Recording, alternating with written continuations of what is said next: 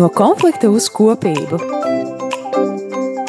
Katra mēneša 3. trešdienā, 2017.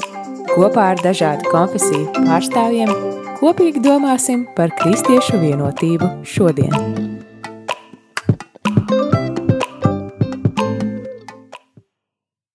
Labdien, mīļie radio arī klausītāji! Studijā ir raidījums no konflikta uz kopību, un mani sauc Kristīna Lazdiņa. Šajā dienā un šajā raidījumā mēs turpināsim ceļojumu šajā dokumentā no konflikta uz kopību, un šīs dienas tēma mums ir garīgais amats. Lai šo tēmu varētu plašāk un, un dziļāk izpētīt un izprast, esam aicinājuši viesus, un šodien mums ir trīs konfesiju pārstāvji, ar kuriem es jūs vēlos iepazīstināt. Lutāņu konfesiju mums pārstāv mācītājs Induls Paičs. Labdien, Indul! Labdien, labdien! Baptistu konfesiju mums pārstāv mācītājs Jānis Balodis. Labdien, Jāni! Labdien!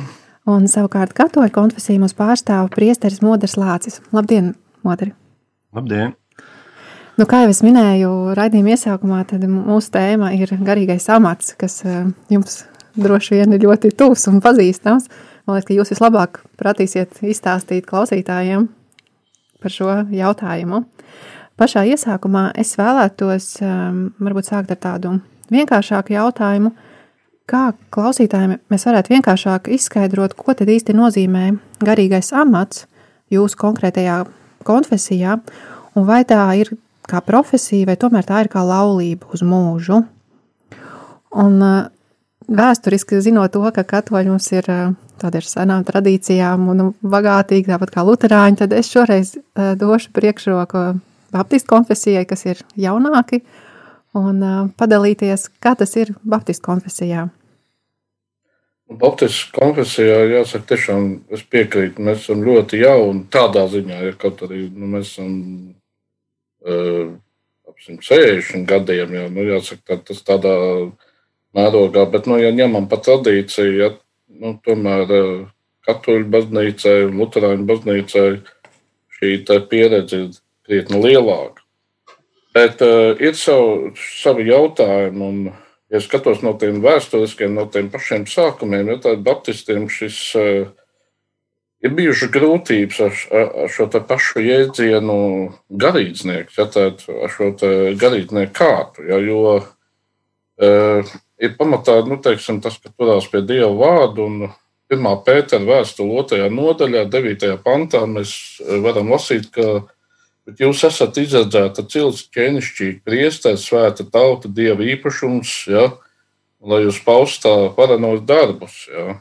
Un, un Baptistiem vienmēr bija tas jautājums, ja, ja mēs kādu cilvēku izceļam augstāk, ja teiksim, par laju, ja, tad, uh, Bet patiesībā nu, viņš ir tāds pats kā vispārējie. Tas jautājums arī bija, kā piemēram, kas vada kora dzīvi, kas vada eh, teiksim, izglītību, ja, kas ir nu, tas. Eh, jo viņš jau savā veidā veids to garīgo darbu. Ja, līdz ar to tas bija tāds liels jautājums. Bet, eh, protams, ņemot vērā, ka tas iespējas, ja, tā, tā arī Latvijas baptistiem ir ļoti liels iespējas nāk no vācu baptistiem. Ja, tad, eh, nu, teiksim, sākotnēji tas tika paņemts. Ja, tāpēc, ka nu, vajadzēja tomēr atšķirt kaut kādu, jo, jo nu, mācītājs, ja tā ir sludinātājs, kas bija tajā sākotnējā, ja, pat mācītājs bija vēlāk, ja, bet, nu, teiksim, vecais vai sludinātājs, viņ, viņam bija tomēr šī te, nu, mazliet tā, no, nu, tā kā tāda atšķirtība. E, lielākā par šo garīdznieku kārtu, ja tāds lielāks jautājums, jau tas bija no valsts, jau tas jau bija jau pēc 1920. gada, ja tā, ka veidojās pirmā neatkarīgā Latvijas valsts, jo bija tomēr no valsts tā prasība, ja tā, nu, kas tad īsti ir, kāda jums ir tā struktūra, ja? Mm -hmm. Līdz ar to tas e, jau e, šīs pirmās neatkarīgās Latvijas laikā, ja, nu, bija tomēr jā, jārada. Un tad ir šie vecāki, sludinātājs un mācītājs. Ja, nu, un, protams, ja, ir šis, eh, tas, kas ir bijis vienmēr arī nu, tas, tas eh, kongress, ja, kas ir Baptistiem ļoti svarīgi arī, nu, ka šo draugu dzīvi vada lēmēja institūcija. Ja, tā, Bet sapulcējās daudz arī, protams, ir par, par, par bīskapa amatu. Ja, tā tiek arī daudz izvēle no savu vidus, to, kas vada šo visu Baptistu savienību, to sainu. Ja, tā kā šis jautājums ir vairāk par to, vai tas viens cilvēks ir pārāks par citiem. Ja? Jo patiesībā, ja tu kļūsi kā garīdznieks, tev jābūt tam kalpam, tam, kas tu vadi tos cilvēkus, ja tu nostājies un neji. Ja? Bet tas nenozīmē, ka tu esi pārāks par kādu no tā draudzes uh, cilvēku. Ja? Nu, tā, tādā ziņā. Ja? Jā. Tā ir tā grūtība. Ja? Jā, es domāju, ka uh, cil, nu, vienkāršiem cilvēkiem, kas iet baznīcā, bieži vien, uh, nu, labi, ne bieži, bet mēdz gadīties, kad, ka šo mācītāju kaut kā paceļ augstāk, gan īsi pielīdzina jā, dievam. Jā, jā. Um, bet atgriežoties pie tā, ko tu sacīji, vai arī tīri no tās lomas, tu minēji vecais, sludinātājs un mācītājs, vai starp šiem trijiem var likt vienādības zīme, vai tomēr ir kaut kāda atšķirība? E, tomēr nē, ja nevar likt to vienādības zīmi.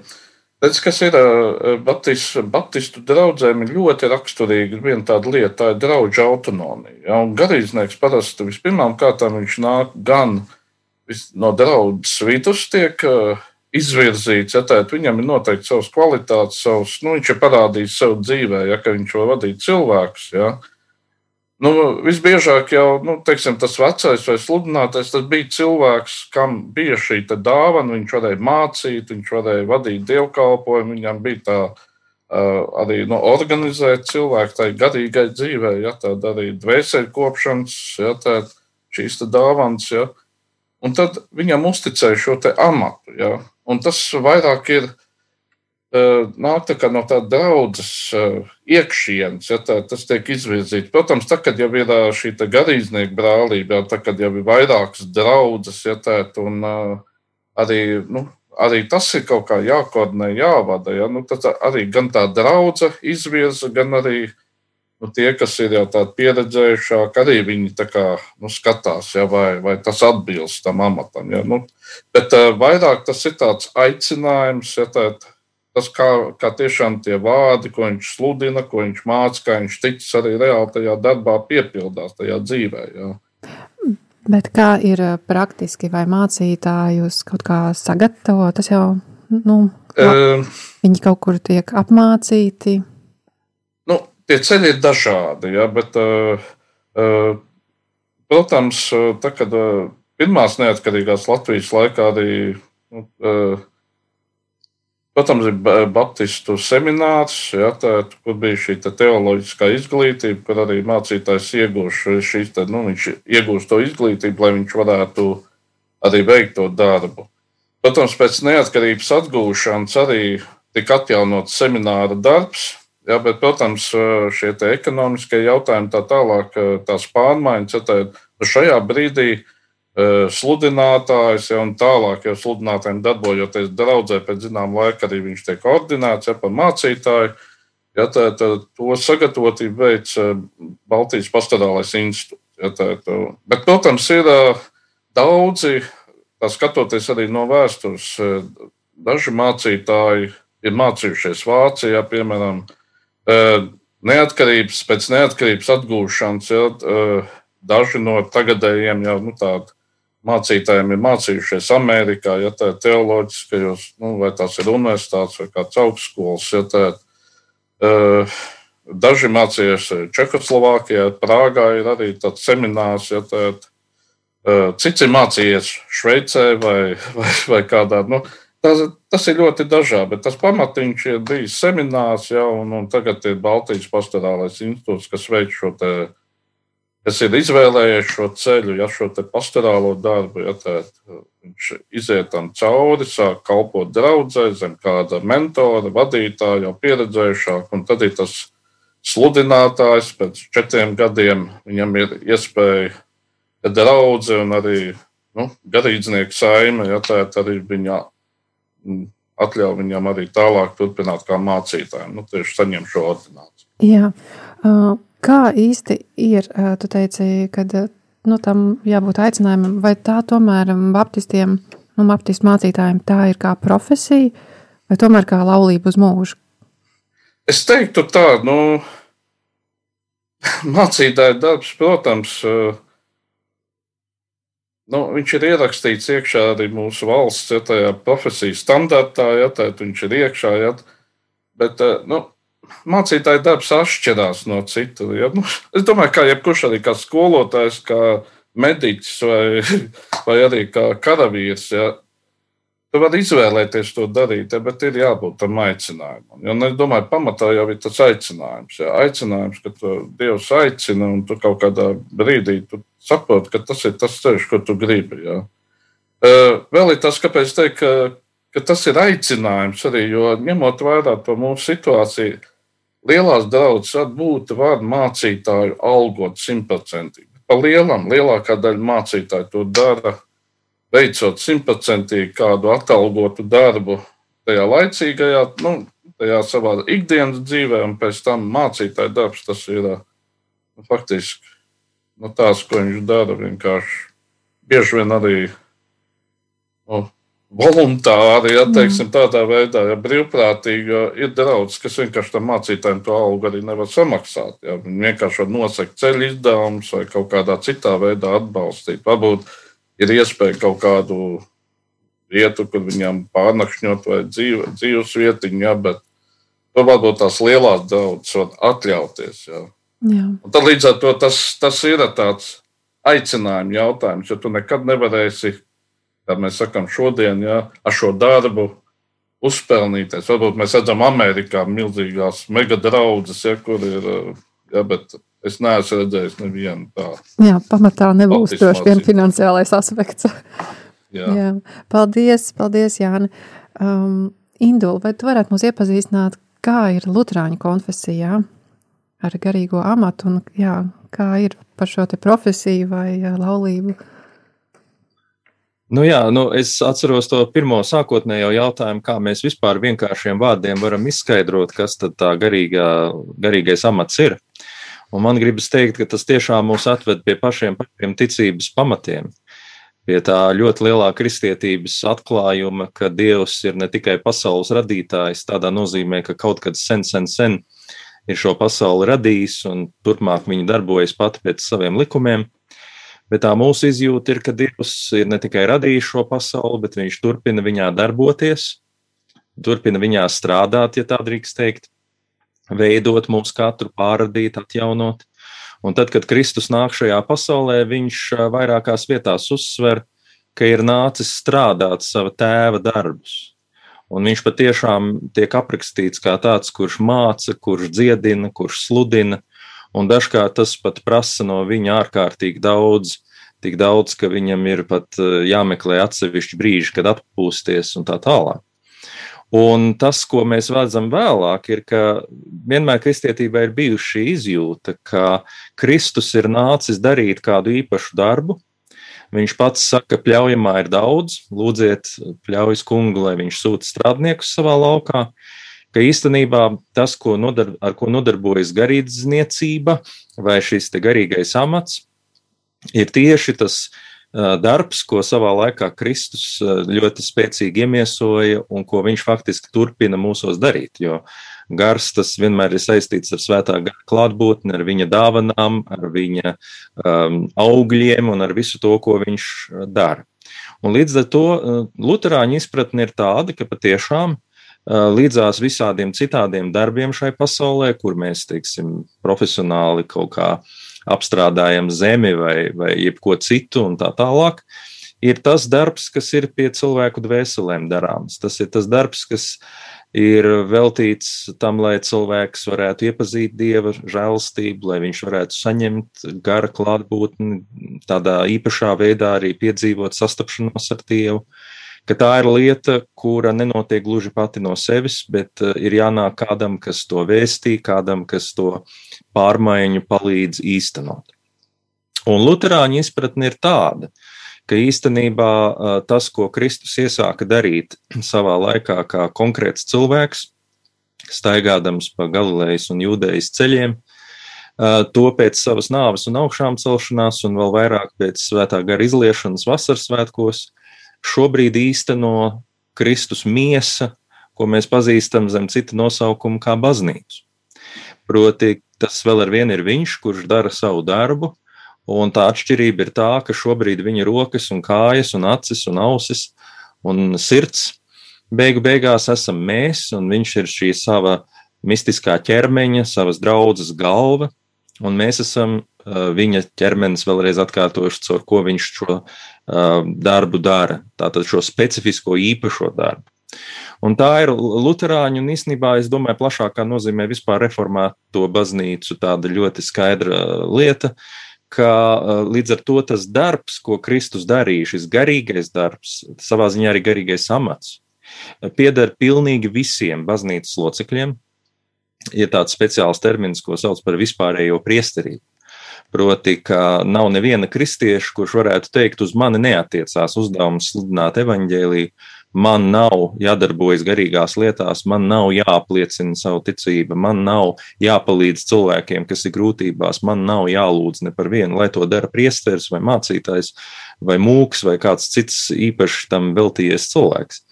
Tas ir mūsu kopīgais darbs. Bet tieši tāpēc, ka tas ir mūsu visu kopīgais darbs, Lutāņu izpratne ir tāda, ka neviens nedrīkst to uzņemties un sākt publiski darīt bez pārējo akceptu.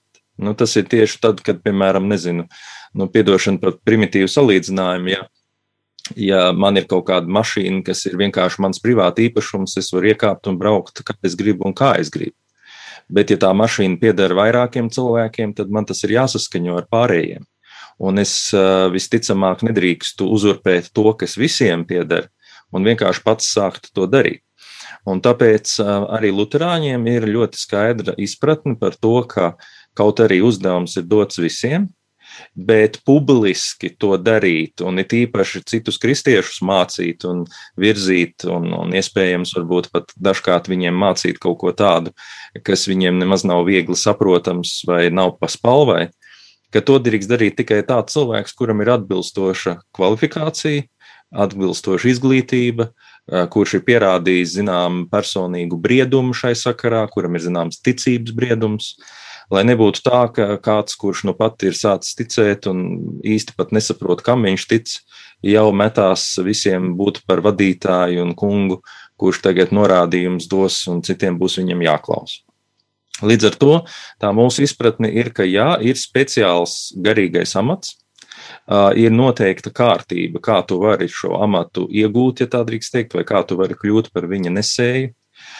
Mums, nu, to droši vien modrs vairāk pastāstīs, kā tas ir katoļu baznīcā saprasts. Mums nav gluži tāda izpratne, ka ka cilvēks kaut kā tā būtiski pārvēršas tajā brīdī, kad viņš kļūst par mācītāju, no tā, vai priesteri, ja, vecajā izteiksmē, no tā varbūt luterāņi ir aizvirzījušies mazliet prom, sacīdami, ka garīdznieks nav kaut kāds pārcilvēks, viņam nepiemīt kaut kādas maģiskas spējas, kas citiem cilvēkiem nepiemistu vai citiem baznīcas locekļiem nepiemistu. Bet mācītājs pavisam noteikti ir cilvēks, kurš ir, kā jau teicu, atšķirīgs ar to, ka viņam ir nu, tā, daudz laika, daudz daļas no viņa dzīves, viņš velta specifiski šiem evaņģēlīja izplatīšanas jautājumiem. Un amata centrā Lutāņu izpratnē ir tieši divas lietas - evaņģēlijas sludināšana un sakramentu izdalīšana vai sakramentu uh, pielietošana. Un līdz ar to mēs uzskatām, ka viss garīdznieka uh, spēks nenāk no viņa cilvēciskās personas vai ķermeņa, bet tikai un vienīgi no tā vārda, uh, kas viņam ir uzticēts, no tā gara, kas viņā darbojas, no Kristus paša, kurš īstenībā, kā jau teicu, caur baznīcu kā savu ķermeni šos uzdevumus īsteno. Līdz ar to mums arī ir pazīstama tāda lieta kā ordinācija. Mēs tā tad uzskatām, ka cilvēks, vēlreiz atkārtošu, tikai tad drīkst darīt šo darbu, ja visa baznīca viņam ir uzticējusi šo amatu, ja baznīca viņā ir atpazinusi šo spēju darīt šo amatu. Un tad, kad tas notiek, tad arī visa baznīca aizlūdz par šo cilvēku, viņi iekļauj viņu savā savās lūkšanās un dod savu svētību, un vienlaikus arī apņemās šo cilvēku klausīt. Tādā ziņā, ka tiešām tad arī uzticēties, ka viņā šis gars darbojas un ir klātesošs. Līdz ar to es teiktu tā, ka Lutāņu izpratnē mācītāja amats nav tikai profesija, tā, nu, piemēram, profesijas var pats izvēlēties un vienkārši daudz maz darīt. Lai gan arī profesijās pamazām sāk veidoties visādi, eh, kā jau te tika pieminēti, standarti un visādas asociācijas, kuras mēģina certificēt, vai tas psihoterapeits tiešām ir psihoterapeits, vai tas eh, ārsts patiešām spēj ārstēt. Tieši tāpat arī baznīca jau gadsimtiem ilgi ir devusi savu apstiprinājumu tam, ka cilvēks ir spējīgs būt mācītājs. Un ordinācijas brīdī iedotā uh, svētība, protams, nav atsaucama. Un arī tas, ka viņam ir teoloģiskā izglītība, visticamāk, arī nav nekādā veidā atsaucams. Bet, protams, ka cilvēks var kaut kādu iemeslu dēļ, personisku iemeslu dēļ, piemēram, aizvirzīties prom no tās savas sākotnējā, varbūt, ticības skatījuma un izjūtas. Un līdz ar to kaut arī svētība nevar atcelt pilnvaras reāli darīt darbu, var tomēr ierobežot. Tur ir atkal sava baznīcas kārtība, kā tas notiek. Mm. Nu, tā kā es sacītu, ka plašākā nozīmē mēs visi darām Kristus darbu, bet kādiem no mums pārējie sniedz visu iespējamo atbalstu un uzticību, jo viņi veltītam visu vai gandrīz visu laiku, visu savu dzīvi, vai gandrīz visu savas dzīves laiku šai īpašajai kalpošanai un uzdevumam. Un līdz ar to tur ir tā starpība. Nevis, ka šis cilvēks ir pārcilvēks, bet tas, ka viņam atšķirībā no mums pārējiem, tas ir pamatdarbs, tā ir pamatlieta, ar ko šis cilvēks nodarbojas. Jā, paldies. Un man, manuprāt, tas tāds arī būtisks um, no aspekts, ko tu minēji par šo vispārīgo priestarību, uh, gan uh, cilvēku izpratnē, nu, kā, kā lūkoties uz šo garīgo vadītāju, un tāpat laikā arī to pazemību, iemantot pašam, turpināt arī kalpot kā, kā draudzes loceklim, nevis atstāt šo visu pienākumu uz šī garīgā vadītāja pleciem un, un, un novirzīties. Jā, paldies! Modri, vai tu mūs varētu iepazīstināt, kā ir katoļu baznīcā ar šo garīgo amatu un ar šo hierarhiju? Paldies! Jā, klausoties Jāni un Induli, man šķiet, ka viss jau ir pateikts. Protams, ka ir mazas tādas papildus lietas, ko es vēl vēlos piebilst. Arī, ko es pirms tam teicu par to filoloģisko pieeju, ja mēs skatāmies, ko vispār tie vārdi nozīmē. Acīm redzot, mums būs arī par vārdu mācītājs, garīdznieks un priesteris arī, bet pati profesija ja to mēģina iztulkot, ka tā ir specialitāte vai nodarbošanās, kas prasa noteiktas zināšanas un iemaņas, un kas ir eksistences līdzekļu iegūšanas pamats.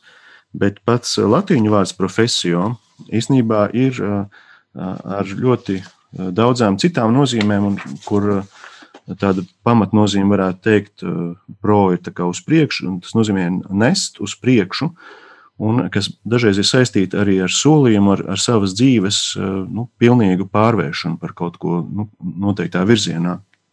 Un līdz ar to amats, profesija, specialitāte un tā tālāk, ka šie vārdi atkal kļūst tādi daudznozīmīgi. Un eh, katoļu priesterim, piemēram, tā profesija nozīmētu, ka tu esi apsolījis arī uz visu mūžu būt priesteris.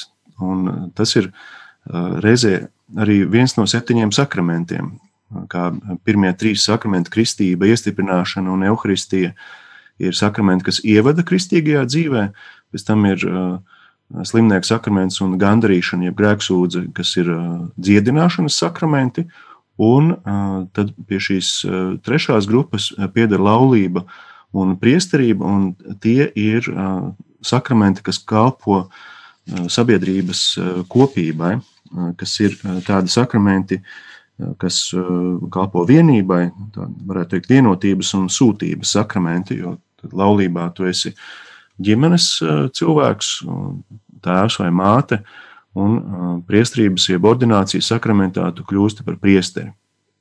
Un tur jūs jau teicāt par hierarhiju, bet man šķiet, ka mums būs vēl jautājums atsevišķi. Jā, mēs nākamo, jā, pieskarsimies šim. Un bīskaps.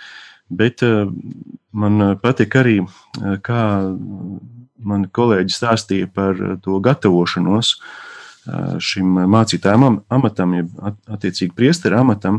Protams, tas katram cilvēkam ir atšķirīgi un individuāli, Bet, manuprāt, ir arī tādas kopīgas iezīmes, kas jaunieti, nu, parasti jaunieti tagad arī var gadīties, ka ir pusmūža cilvēki, un pirms kādiem 20, 30 gadiem arī bija tā saucamais vēlīnais aicinājums, kaut gan pašlaik par to vairāk tādā teoloģijas formācijā nu, skeptiski raugās uz šādiem vīriem, kas ir nodzīvojuši līdz pensijas gadiem, un tad izdomā, ka varētu tomēr būt priesteris, jo tur ir problēmas arī ar, ar tieši šo audzināšanu, izglītību, ka tu jau esi tik izveidots, ka tevi vairs nevar formēt vai pārveidot. Un tad, piemēram, tie jaunieši, kas ir bijuši ministranti, altāra kalpi, nu, tā kā altāra zēniem, vai korī dziedājuši, vai jauniešu kalpošanā piedalījušies lūkšanu grupās vai, piemēram, kristīgo studentu brālībā, tad eh, viņi arī jūt, ka tas ceļš, eh, acīm redzot, iet eh, nu, tālāk, lai viņi varētu pilnībā veltīt savu dzīvi tikai lai kalpotu baznīcai un, un cilvēkiem. Un tad tā sagatavošanās mums ir garīgais seminārs. Latvijā to sauc par Latvijas starpdiecēžu augstāko garīgo semināru, jo tas apvieno visus Latvijas novadus, un ir tās četras diecēzes. Un tie ir seši gadi, un pēdējais gads parasti ir tā saucamais diakonāta gads, kad uh, seminārists jau ir iesvētīts diakona kārtā. Un uh, šī daudzpusīgā formācija ietver cilvēcisko, intelektuālo, garīgo, nu, varbūt visus personas aspektus, visas dimensijas, un iegūst teoloģijas bakalauru, bakalaura grādu beigās. Bet šis bakalaura grāts nav nedz kaut kāda garantija, nedz arī kaut kāds certifikāts, ka tagad nu, tu esi priesteris, jo to izvēlas bīskaps. Viņš aptaujā, protams, arī to garīgā semināra vadību, kā viņi uzskata, vai šis bakalaura ieguvējs tiešām ir cienīgs kļūt par par priesteri. Un eh, tad, eh, tā, protams, ir vesela ceremonija. Ja mums būs vēl atsevišķi par to runa, tad mēs eh, par ordināciju vēl parunāsim. Bet īsnībā to izvēlas un apstiprina baznīcas vārdā bīskaps, ka priesteris vai šis priesterības kandidāts, viņš var tikai būt gatavs un censties būt atvērts tam kalpojumam, Bet tas, vai viņam ir īsts aicinājums, to īstenībā apstiprina baznīca. Vai tas nozīmē, ka viņš var tikt arī atraidīts? Jā, un tad noteikti tādi argumenti pamatoti var biskupam likt šim kandidātam, nu, piedod, tomēr tu nevarēsi tikt ordinēts, tu nevarēsi kalpot kā priesteris. Un dažreiz tā ir traģēdija cilvēkam, bet nereti tas arī ir tāds svarīgs, tēvišķīgs norādījums, Un eh, šis cilvēks varbūt pēc tam kļūst par ļoti labu ģimenes tēvu, jo tas ir viņa īstais aicinājums bijis. Bet uh, ir arī uh, cits, uh, cita šī versija, ka uh, tu neiegūsti bakalaura grādu, jo tavas intelektuālās spējas nav tik uh, augstā līmenī, lai tu varētu uzrakstīt bakalaura darbu un arī nokārtot visus eksāmenus šos sešus gadus.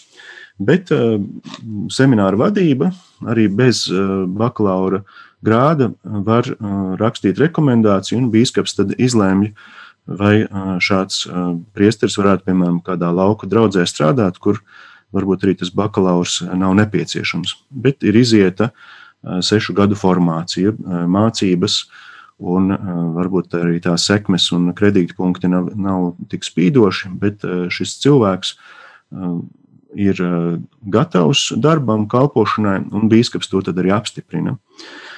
Un tas ir, jums jautājumā bija toreiz rakstīts, vai tā ir profesija vai tā ir laulība uz mūžu. Nu, laulība varētu likt pēdiņās, un tas patiešām ir tas svētsolījums, ko priesteris saliek gan reizē celibāts, gan reizē arī šī solījums kalpot, un tas ir līdz mūža beigām, ka tu tad vairs nu, nē, prom no tā darba, bet ka tu esi tajā darbā viss iekšā.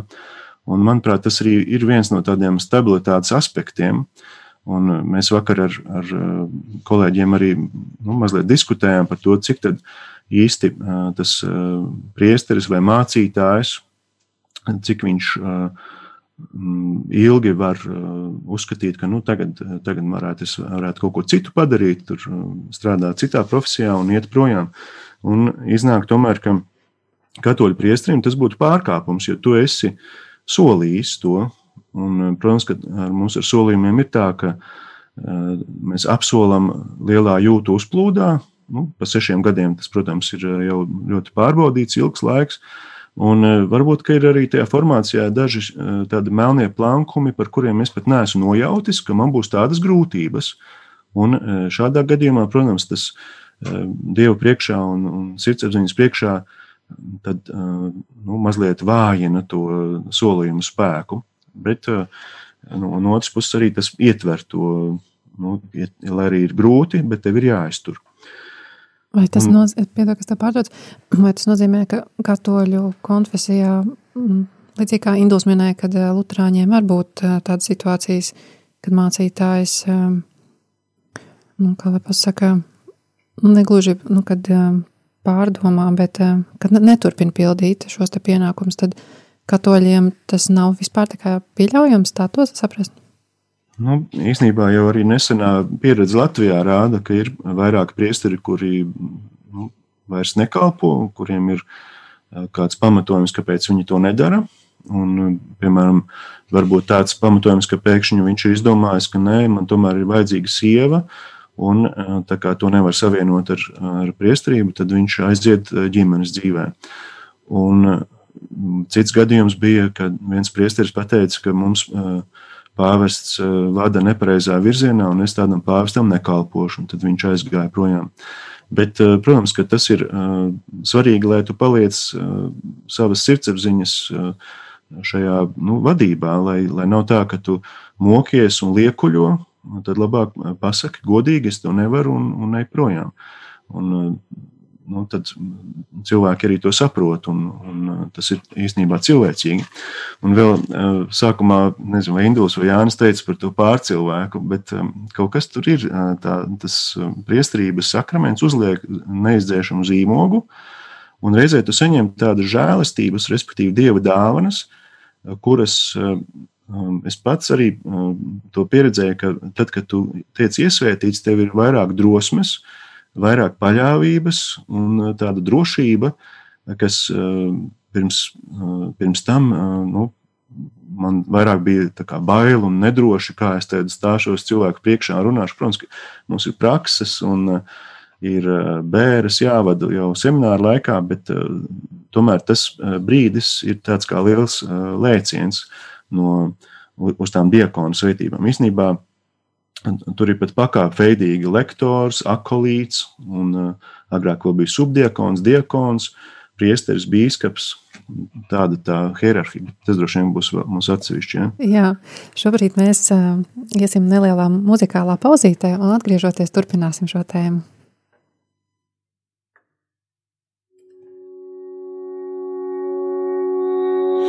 Pazūd šaubas, un es atgriežos uz ceļa, ko mana rīta zvaigzne izgaismo. Nāku es vietā svētākā, bez kauna un bailēm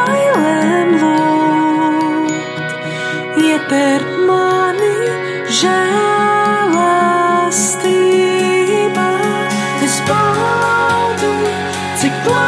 sirds un manas sāpes pār to skaistumā.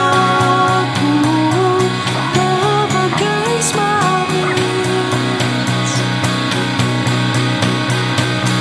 Uzplaukst jau novietis ziets un no tumsas pāri nepaliek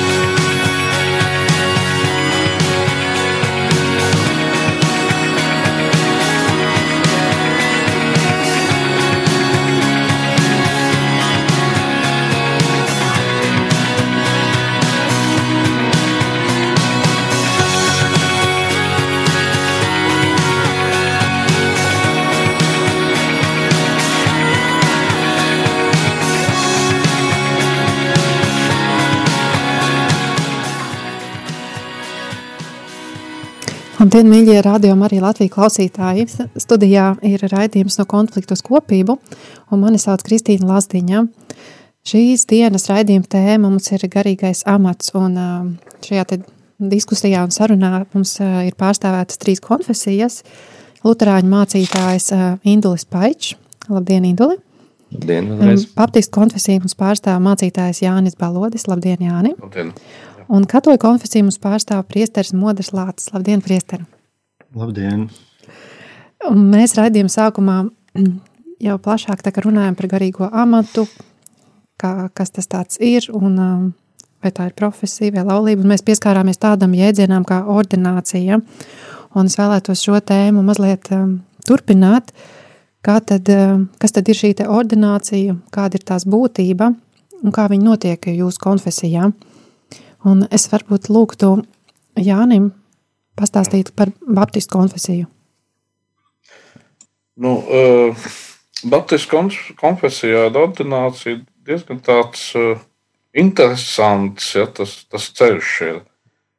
Un uh, par to var tā labāk uh, arī pašu var iepazīties Jāņa Tervīdā, ja, kas ir bijis uh, mūsu bīskaps, ja, tā, viņš ir mūžībā, bet viņa, viņa tas mūža darbs Latvijas Baptistu vēsturē. Tur ir ļoti labi arī aprakstīts, kādi bijuši tie, tie ceļi. Redziet, tā ordinācija bija ļoti diezgan sarežģīta. Ja, jo, kā jau teicu, ja, tad Baptistiem ir ļoti svarīgi bijis tas, lai, lai nu, mācītājs nav pārāks par citiem. Ja, nu, viņš, ir, viņš ir tas kalps. Ja, tad, Un arī tie pārējie ir savā veidā tā, tā priesteru saima. Arī ja, katrs var arī, kā arī Induls, kā teica, ja, arī katrs var uzņemt tā savu veidu, šo garīgo lomu daudzē.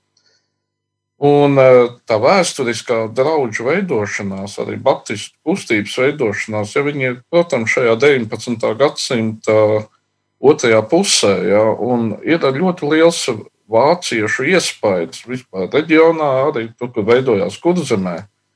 Un ordinācija sākumā bija tā, ka vispār nevarēja saprast, vai to vajag vai nē.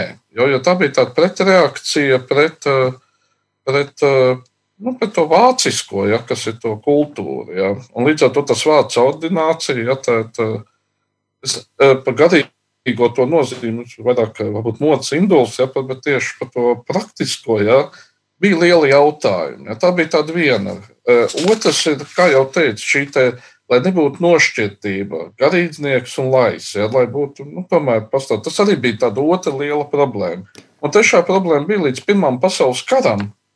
Līdz Pirmām pasaules karam bija tā, ka, piemēram, bija sludinātāji, kas gribēja, lai viņi cēltinē. Bija tādi, kas kalpoja, piemēram, 20 gadus, ja kaut kādā vienā draudzē, viņam nemaz tas nebija vajadzīgs. Ja. Jo viņam bija atkal tāds savs izpētes, un nebija tāda vienota nu, kā tas ir teiksim, šodien, jau tāda noteikta kārtība, ja, tā, kas ir vajadzīgs. Ja. Un, uh, līdz ar to bija tāds nu, tād, daudznozīmīga ja, tā, tā, tā situācija. Ja. Bet, protams, tas, tas aizgāja, kā jau teicu, tālāk, jau, kad arī bija tā nepieciešamība, ka draudzes auga, draudzes skaits, ja bija sludinātāji, mācītāji. Un tas, kas Baptistiem ļoti interesanti ir, ka ordinēja savā laikā arī sludinātājs, ja, kas, un arī mācītājs. Ja, tēt, un arī tāds radās tas jautājums, kā nošķirt, ja, teikt, jo sludinātājs ir mazliet tā pakāpīt zemāk, ja, teiksim, tā kā tas ceļā uz to mācītāju. Ja. Tu pieminēji un, arī tādu jēdzienu kā lais. Tad kur, kur tai visā lais iekļaujās? Nu, lais ir, nu, kā lai pasaka, tas jau tā, nu, tas daudz loceklis jau ir, uh, Viņš, viņš vai nu ir tajā draudzē, ja, tā, kur ir sludinātājs, vai tajā draudzē, kur ir mācītājs. Ja. Un, un arī bija. Ja, jā, un, tad, jā, jā, ok, turpinot. Jā. Un, bet, ja tā runājam, kas var, kāda ir tā, tā, tā ordinācija, tā, kas var ordinēt, ja, tā, nu, uh, uh, pirmkārt jau tie, kas ir to saņēmuši, to svētību, ja, tā, tā, nu, tā praksa arī šodien, ja, tā, tāpat tās ir.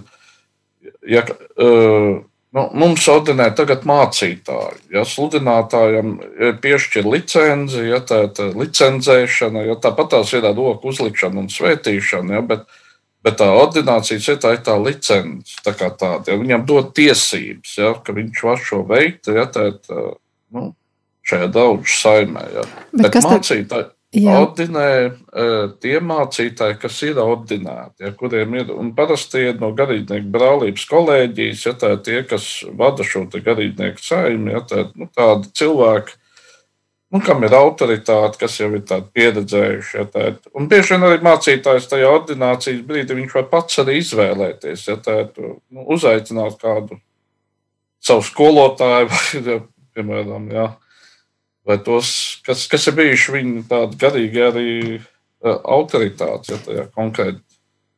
Tad es pareizi tev sapratu, ka uh, jā. mācītāju ordinē cits mācītājs, ko viņš tā kā izvēlās.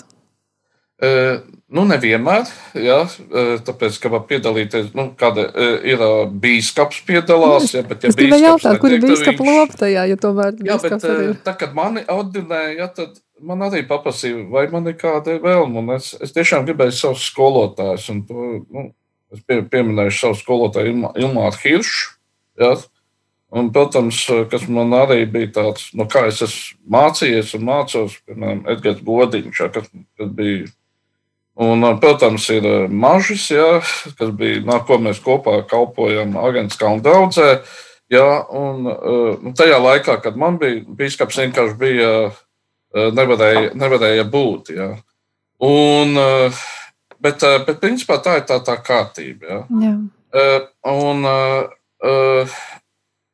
tālāk, ir, protams, ir arī nu, tas ir tā tāds atzīšanas veids, ordinācija kā tāds atzīšanas veids, ja, tā, kas, kas tā kā tevi atzīst arī tajā visā saimē. Tu tā kā tiec uh, publiski ievadīts tajā darbā, jā.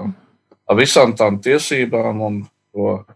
Jā, uh, protams, arī ordinēts uh, nozīmē, ka arī, kad ir uh, ka tu, tas, kas ir arī pats ir kristīts, jā, un, un kas ir pats ir arī šo kristību pieņēmis, jā, un, un, un, un, un nu, nevar, nevar būt cilvēks, kas, uh, piedodiet, nu, tā kā jau mēs te minējām, jā, jābūt savam laikam un Jā. savam ceļam, jā, un savam, nu, saviem darbiem un vārdiem, jā, tā, kas, ko citi ir redzējuši apstiprināt. Paldies, Tā. Jāni. Jā. Es vēlētos turpināt ar, ar pāriet pie luterāņiem. Indul, kā ordinācija luterāņiem notiek, vai arī tik eh, ar, ar vēlmi, kurš, kurš ordinēs mācītāju, vai tomēr jums tā struktūra ir tāda noteiktāka, stingrāka? Uh, nu, es teiktu, tā, ka droši vien, ka ordinācijas dievkalpojumā piedalās uh, lielākā daļa no tev nozīmīgiem cilvēkiem, kaut vai tikai tāpēc, ka šīs cilvēciskās saites ir. Un ordinācija vienmēr ir tāds svētku pasākums, tas vienmēr ir tāds, uh, un viņam vajadzētu būt pēc idejas pietiekam publiskam pasākumam, tāpēc, ka tieši to jau arī ordinācija nozīmē. Tādu uh, visnotaļ publisku, visnotaļ uh, visas baznīcas vai vismaz visas lokālās baznīcas mērogā pāri konkrētai draudzēji, pāri konkrētās draudzes robežām, ejošajā līmenī. Lūk, jā, tas, kas jau te tika pieminēts, atpazīt cilvēkā noteiktu ticību, atpazīt, ka tā ir tā ticība, uz kuras mēs stāvam un kuru Kristus mums ir nācis nest un, un kurā mēs dzīvojam, atpazīt noteiktas kvalitātes, Līdz ar to uzticēt autoritāti, uzticēt pilnvaras, lūk, nodarboties ar šo sludināšanas un sakramentu izdalīšanas amatu vai uzdevumu. Un vienlaikus aizlūgt par šo cilvēku. Ne tikai sapratīsim pareizi, mēs kādreiz aizlūgumu saprotam pārāk vienkārši. Es domāju, aizlūgšana šajā gadījumā ļoti nopietna lieta, ka visi draugi tad arī tiešām uzņemās lūgt par šo cilvēku mēs dodam līdzi cilvēkam svētību. Tas ir kaut kas no tā, ko Modris jau pieminēja par šo neizdzēšamo raksturu. Uh, nu, tā tad mēs vēl ar vienu mazliet uzskatām, ka ne tik daudz cilvēkā tas raksturs ir, bet tā ir tajā dieva klātbūtnē. Un es domāju, šeit mēs esam īstenībā vienotāki nekā mums pat liekas no vārdiskiem formulējumiem. Uh, mēs dodam šo svētību, un mēs arī dzen apņemamies šo cilvēku respektēt un klausīt. Nu, tādā nozīmē, ka baznīca ne tikai viņam dod uzdevumus, bet viņa tad tiešām atpazīst šajā cilvēkā savu mācītāju. Tas ir sakāms pat pie mācītāju ordinācijas, bet vēl daudz vairāk tas ir sakāms pie uh, ordinācijas, kas attiecas uz bīskapiem, ko kādreiz speciālā vārdā sauc par konsekrāciju, lai mazliet atšķirtu šo lietu. Tur ir tieši tas moments, kā ar konsekrācijas brīdi biskups kļūst par biskupu kolēģijas līdztiesīgu locekli. Jā, tur ir vēl ar vienu zināma hierarhija, tīri organizatoriskā līmenī, bet baznīca viņā ir atpazinusi savu ganu un uzņemās tātad ļoti nopietni arī pret to attiekties. Jo ir diezgan muļķīgi kādam cilvēkam uzticēt, sludināt, un pēc tam viņu neklausīt, un pēc tam nekādā veidā neļaut viņam šo darbu darīt. Tāpēc ordinācija dažādās Lutāņu baznīcās praktiski tiek organizēta dažādi. Tātad, lai kļūtu, lai ordinētu par mācītāju, ir jābūt klāt biskupam. Biskups šajā gadījumā iemieso sevī šo plašāko baznīcas kontekstu. Lai tiešām nebūtu tā, ka vienkārši sanāk kopā desmit cilvēki, paziņo, ka viņi ir Kristus baznīca, ieceļ savu vadītāju un nosauc viņu par apustuli vai sazinu ko, un, un, un, un ko tas nozīmē. Tāpēc ir ļoti no svara saprast, ka tas cilvēks ir visas baznīcas, tātad pāri šai lokālajai draudzēji ejošā līmenī atzīts skolotājs un mācītājs. Un tāpēc bīskaps parasti mums ir klāt mācītāji ordinācijā, nevis parasti, bet nu, tas ir nepieciešams. Jā. Un jā, bez bīskapa vēl asistē vairāki mācītāji. Kā likums parasti tas būs prāvests, tātad nu, mācītāju savstarpējās tādas kolēģijas vadītājs. Un tur būs arī tas, ka tur būs parasti klāt, jā, lūk, arī kāds kurš ir vai nu biskups pieaicināts, vai mazliet atsaucoties uz to, ko Jānis teica, tas tiešām varētu būt vienkārši kāds nozīmīgs cilvēks. Savukārt, ja mēs runājam par biskupu konsekrāciju, tā tad jau nākamo pakāpi, tad tur ir jābūt vismaz trim biskupiem, kas paši ir uh, konsekrēti apustuliskās sukcesijas ceļā, un parasti gan tur tiek kā viesi ieaicināti vēl daudzi, daudz citi, jo, kā jau teicu, tam ir jābūt pēc iespējas publiskam un pēc iespējas visu baznīcu apvienojošam notikumam. Tā kā ordinācija Lutāņiem uh, no vienas puses ir pietiekami tehniska lieta, tādā ziņā, ka nu, nu, tā ļoti vienkāršot izsakoties, ar to brīdi tu saņem pilnvaras būt mācītājs. Bet no garīgā viedokļa, protams, tur ir visi šie aizlūgšanas, svētības došanas un, un savstarpējas atzīšanas aspekti. Mm, paldies! Tev. Modra vai katoļiem šī ordinācija atšķirās no pārējām konfesijām?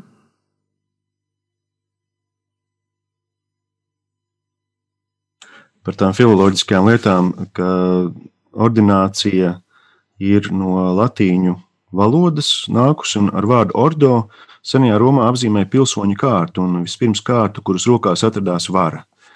Un tad ordinācija nozīmē iekļaušanu kādā kārtā, ordo. Un tad baznīcā pastāv noteiktas cilvēku grupas, kuras tradīcija nebez pamatojuma svētajos rakstos, piemēram, vēstulē ebrejiem vai psalmos, jau senatnē saukusi vārdā taksejs grieķiski un ordines latīniski. Un tā liturģijā runā par bīskapu ordo, priesteru ordo, diakonu ordo, arī citas grupas eh, saņēmuši šo nosaukumu ordo katehumēni, jaunavas, laulātie, atraitnes un tā tālāk. Un eh, mēs redzam, ka tas vārds ordinācija īstenībā ir tāda pamatnozīmē norīkošana kaut kādā noteiktā eh, kārtā, kādam noteiktam kalpojumam. Un mēs eh, lielākā daļa esam liecinieki bijuši pirms diviem gadiem biskupa Andra Kravaļa ordinācijā, jeb konsekrācijā par biskupu, kas notika Doma baznīcā. Un pagājušajā gadā, 16. maijā, tas man bija arī tāds liels pārdzīvojums, ka mēs Jāgaunas katedrālē gandrīz tikai uh, priesteri un daži lai piedalījāmies diakona Maksima Vlasova ordinācijā, ordinēšanā par eh, priesteri. Tas jau bija Covid ierobežojuma laiks. Tad um, es uzreiz atceros, kā bija um, manā un priestera māra ordinācijā, kad katedrāle bija pilna un uh, cilvēki tur rindā pēc tam nāca to svētību un, un, un uh, apsveikumu vārdus teikt, un uh, ka bija uh, ļoti daudzi priesteri klāt, un uh, toreiz bija bīskaps uh, kardināls Pujats, un ka tie ir tie tautas svētki, ka tu beidzot esi ieraudzījis savu lūkšanu augli, ka lūk, ir viens jauneklis, kurš kļūst par priesteri, un ka kādai draudzē būs atkal priesteris, kurš varēs kalpot. Un tas pašā tajā dievkalpojumā tur ir roku uzlikšana, ko saista arī ar svešvārdu sukcesija, kas ir tāda amata pārmantošana no apstuļu laikiem, kad uzliek rokas apstuļi un pēc tam bīskapi un, un, un tā visu laiku tālāk. Un tad ir svaidīšana ar hrizmu, jeb iesmērēšana ar hrizmu, ka tā kandidāta rokas tiek iesmērētas un iesvaidītas ar hrizmu, sveitītu eļu, ko bīskaps sveitīja Lielajā ceturtdienā rīta devkalpojumā. Un arī ir solījums, paklausības solījums, ka viņš būs paklausības bīskapam. Un arī ļoti svinīgi tas, ka šim tikko iesvītītajam priesterim ir jāguļ uz grīdas, kas nozīmē pilnīgas pakļaušanās tādu nu, simbolu, ka tu esi pilnībā sevi atdevis baznīcai, tu nomirsti sev, un tagad uh, tu būsi tikai šiem cilvēkiem, tikai baznīcai. Nu, man pašam šajā brīdī to atceroties arī uh, šķiet, uh, cik svarīgi, ka tu esi uh, ik pa laikam tajās priesteru ordinācijās un atceries, kā bija ar tevi. Vai nav tā, ka tu esi kļuvis jau tāds beigais egoists un aizmirsis esi, kā reiz solīji to lielo atdošanos baznīcai. Un tad no šī brīža tā vara, ko iegūst priesteris, šis cilvēks, ir pārvērst maizi un vīnu par Kristus miesu un asinīm un piedot grēkus. Īsnībā saistībā ar tiem septiņiem sakramentiem, ka kristīt vajadzības gadījumā var jebkurš cilvēks baznīcas nodomā, bet svinēt evaharistiju var tikai priesteris vai bīskaps.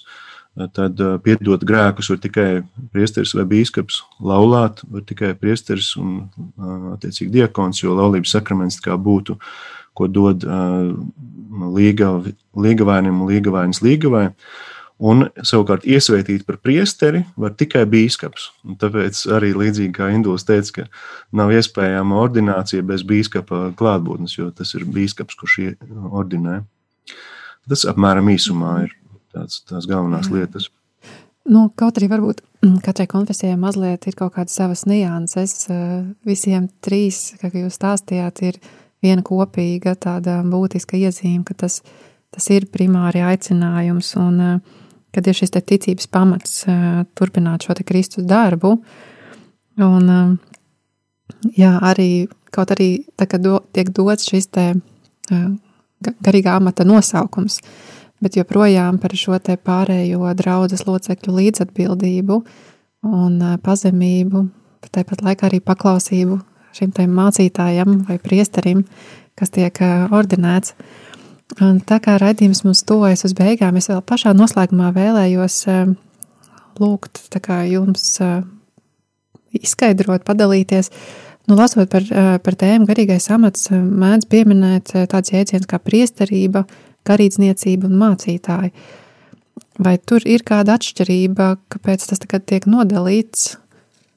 Es varbūt Indulim palūkšu izskaidrot. Uh, nu, jā, nu, droši vien tur ir daudzi vēsturiski iemesli. Es domāju, ka vārds priesteris nāk jau no vecās derības, caur jaunās derības dažādiem tekstiem. Ir cilvēks, kura uzdevums ir kalpot ar lūkšanām, būt vidutājam, galvenokārt arī tā skaitā liturģiskajā procesā piedalīties. Un uh, ilgus laikus uh, Kristīgā baznīca tieši šo terminu lietoja attiecībā pret saviem kalpotājiem viennozīmīgi. Protams, ir daudzi amati, par to mēs arī neparunājām, bet nu, īstenībā eh, dažādi amatu nosaukumi, dažādi uzdevumi, tas viss dažādās, starp citu, arī vietās un laikos. Tas ir ticis dažādi saprasts. Es domāju, ka jēdziens garīdzniecība ir mazliet plašāks. Tas tā tad ietver sevī ne tikai nu, kaut kā eh, vienu konkrētu amatu vai kaut kādu amatu pakāpi, bet eh, ietver visus tos cilvēkus, kuriem ir šis īpašais aicinājums un kuri to realizē īpašā veidā. Un savukārt vārds mācītājs, eh, nu, tas varbūt vairāk asociējas kā reiz atkal ar protestantiem, eh, tieši akcentē šo mācīšanas evaņģēlīja pasludināšanas funkciju, ne tik daudz to, ka, ka cilvēks ir kaut kāds, lūk, nu, priesteris kaut kādā vecās derības vai citā izpratnē. Tā kā es teiktu, ka tās ir vairāk tiešām valodnieciskas nianses, kur šie vārdi tiek lietoti, lai aprakstītu dažāda mēroga jēdzienus, kas ietver vai nu konkrētus cilvēkus un konkrētus amatus, jeb vispār visus, kas kalpo, vai akcentējam kaut ko, kas ir vienās konfesijās, teiksim, pareizticīgo baznīcā, vecticīnieku baznīcā, protams, arī katoļu baznīcā priesteris. Savukārt, jā, lūk, protestantu baznīcās bieži vien lietot šis vārds mācītājs. Un te ir jāsaprot vēl viena maza nianse, ka uh, Ordinācija piešķir noteiktas pilnvaras un noteiktas iespējas. Bet man vienkārš liekas vēl interesantāks jautājums, kas krievu valodā brīnišķīgi iezīmējas. Ir vārds svešķeņņik, kas nozīmē lūk šis nu, garīdznieks, tas, kuram ir kaut kāds amats. Tad ir vārds duhovņik, Un duhovniks savukārt nozīmē, ka tas ir cilvēks, kurš nevis vienkārši uh, tur notur dievkalpojumus, bet kurš jau patiešām ļoti iesaistās cilvēka garīgās dzīves līdzgaitniecībā. Un tas nav vienmēr viens un tas pats. Tas nav vienmēr viens un tas pats. Un tad ir vēl vārds starets, uh, nu šis garīgais tēvs, kurš savukārt raksturo kaut ko, ko droši vien vispār ar roku uzlikšanu vien tu nevari dabūt.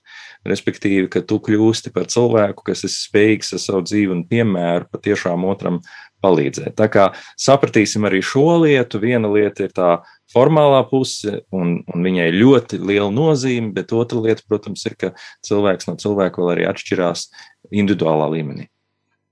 Jā, paldies!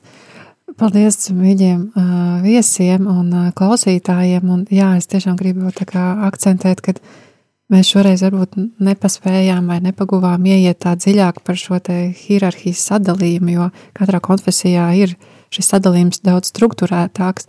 Šis bija vairāk kā ieskats kā tāds, lai iepazīstinātu, kā katrā konfesijā izpaužas garīgais amats, kā viņš tiek saprasts, kā šī ordinācija notiek. Uh, lai mēs ietu šo ceļu uz, uz vienotību. Kaut arī mums varbūt kaut kādas nianses katrā konfesijā atšķirās. Paldies, mīļie viesi! Paldies, radio klausītāji! Un tiksimies nākamā mēneša 3. trešdienā, ja kungs būs lēmis. Paldies! Uz redzēšanos! Uz redzēšanos! No konflikta uz kopību. Raidījums par kristiešu vienotību.